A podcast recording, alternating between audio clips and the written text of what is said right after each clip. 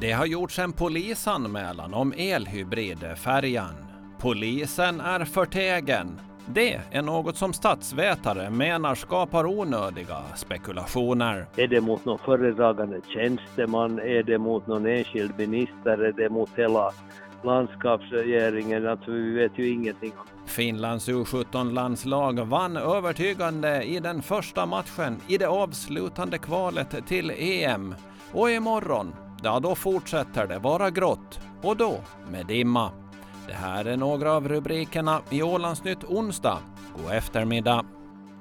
Ja, händelser kopplade till det så kallade elhybridärendet har polisanmälts. Vid lunchtid idag skickade kommissarie John Klemes ett mejl där det stod följande.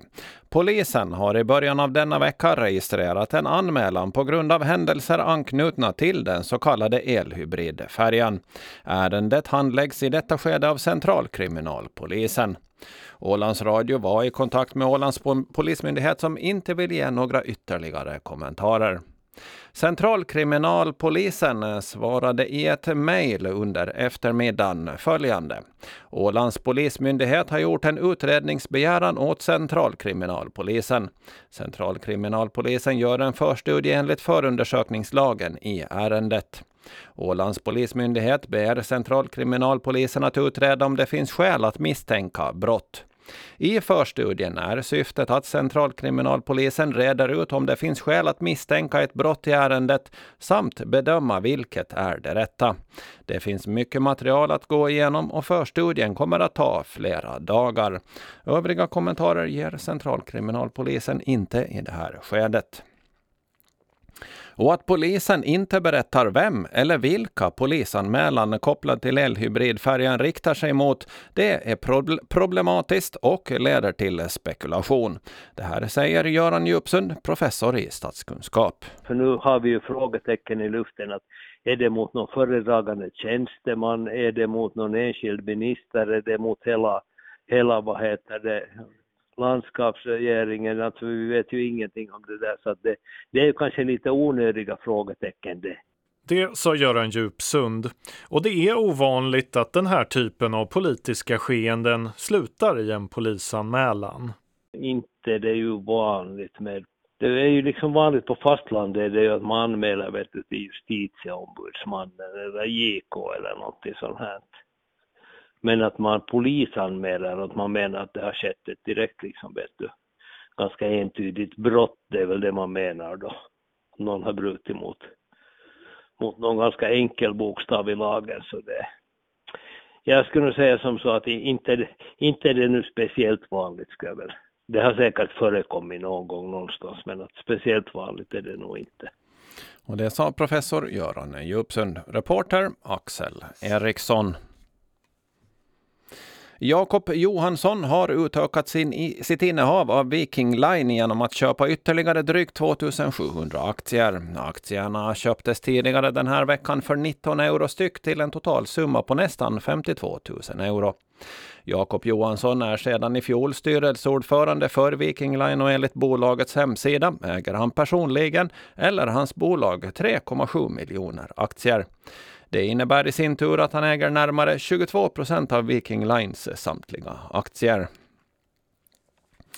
Och så ska vi gå över till frågan om demensvård som vi har belyst redan tidigare den här veckan. Och det efterlyses ju mer samarbeten som tar demensvården framåt på Åland. Och det tror också socialminister Arsim Sekaj är vägen att gå. Rent praktiskt så tror jag att kommunerna måste sätta sig ner med oss och, och inse att det här är liksom den en gemensam utmaning vi har. Eh, men sen handlar det givetvis om, om finansieringen och hur man ska överkomma den frågan. Det är ju någonting som, som eh, kommunerna gemensamt eh, måste komma överens om. Att, eh, att först insikten om att vi måste komma vidare Uh, och sen då givetvis också ta fram en, en, en, bra fördelningsmodell som alla är nöjda med. Och det är där som det brukar låsa sig också. Uh, vi är med och, och, vi tar vår roll i de delar som vi, vi kan. Som jag säger här med OHS och senior, seniormottagningen det kommer ju att utveckla sin verksamhet väsentligt här för just eh, den här gruppen.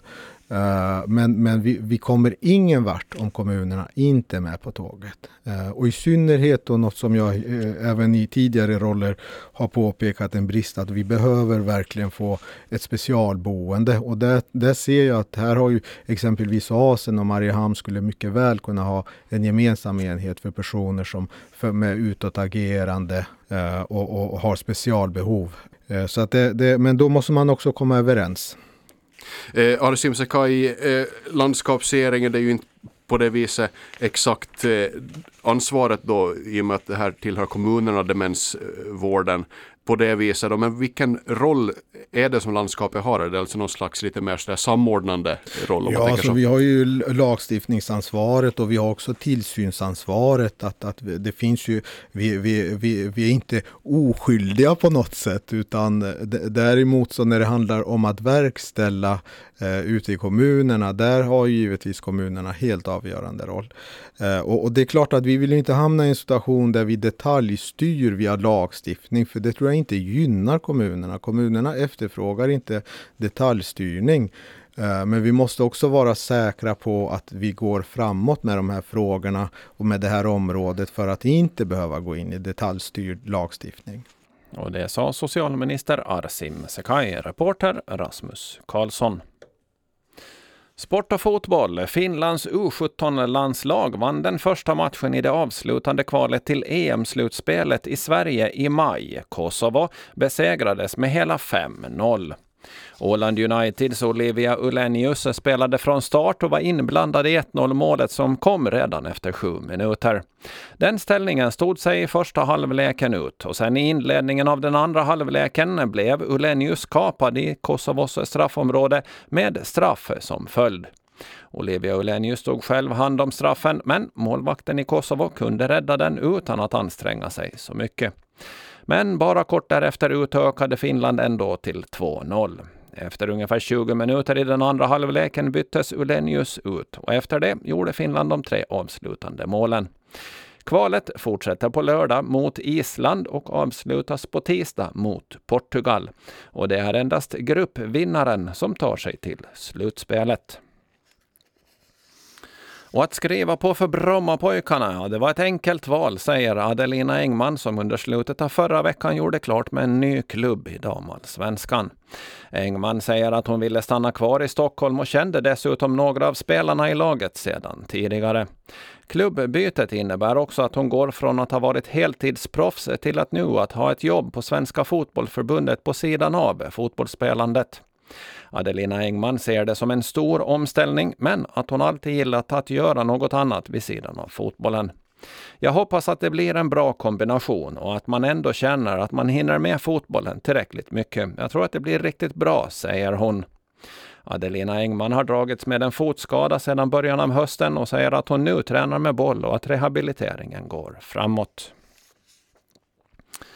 Och trafikmeddelande. MS Viggen kommer tillbaka i trafik på södra linjen imorgon torsdag den 22 februari med avgång klockan 16 från Långnäs till Galtby. Viggen har varit ur trafik sedan 30 januari på grund av att ena huvudmaskinens regulator har behövt reparation. Gudingen har varit ersättande färja för tiden Viggen har haft sin frånvaro. Och MS Östern ska repareras och reservfärjan MS Toli trafikerar mellan Enklinge och Kumlinge från och med avgången som var klockan 15.45 idag onsdag. Och så vädret, ja det fortsätter att vara grått och lätt regn resten av onsdagen. Temperaturen är på ett par plusgrader och vinden är måttligt sydlig som avtar till natten. Och temperaturen den hålls på ungefär samma nivå i natt och även imorgon. Och torsdagen den blir grå, det blir dimma, svaga sydliga vindar som framåt eftermiddagen ökar till måttliga. Sjövädret så är det en eh, sydlig till sydvästlig vind som avtar och i natt så är den 2 till 6 meter per sekund.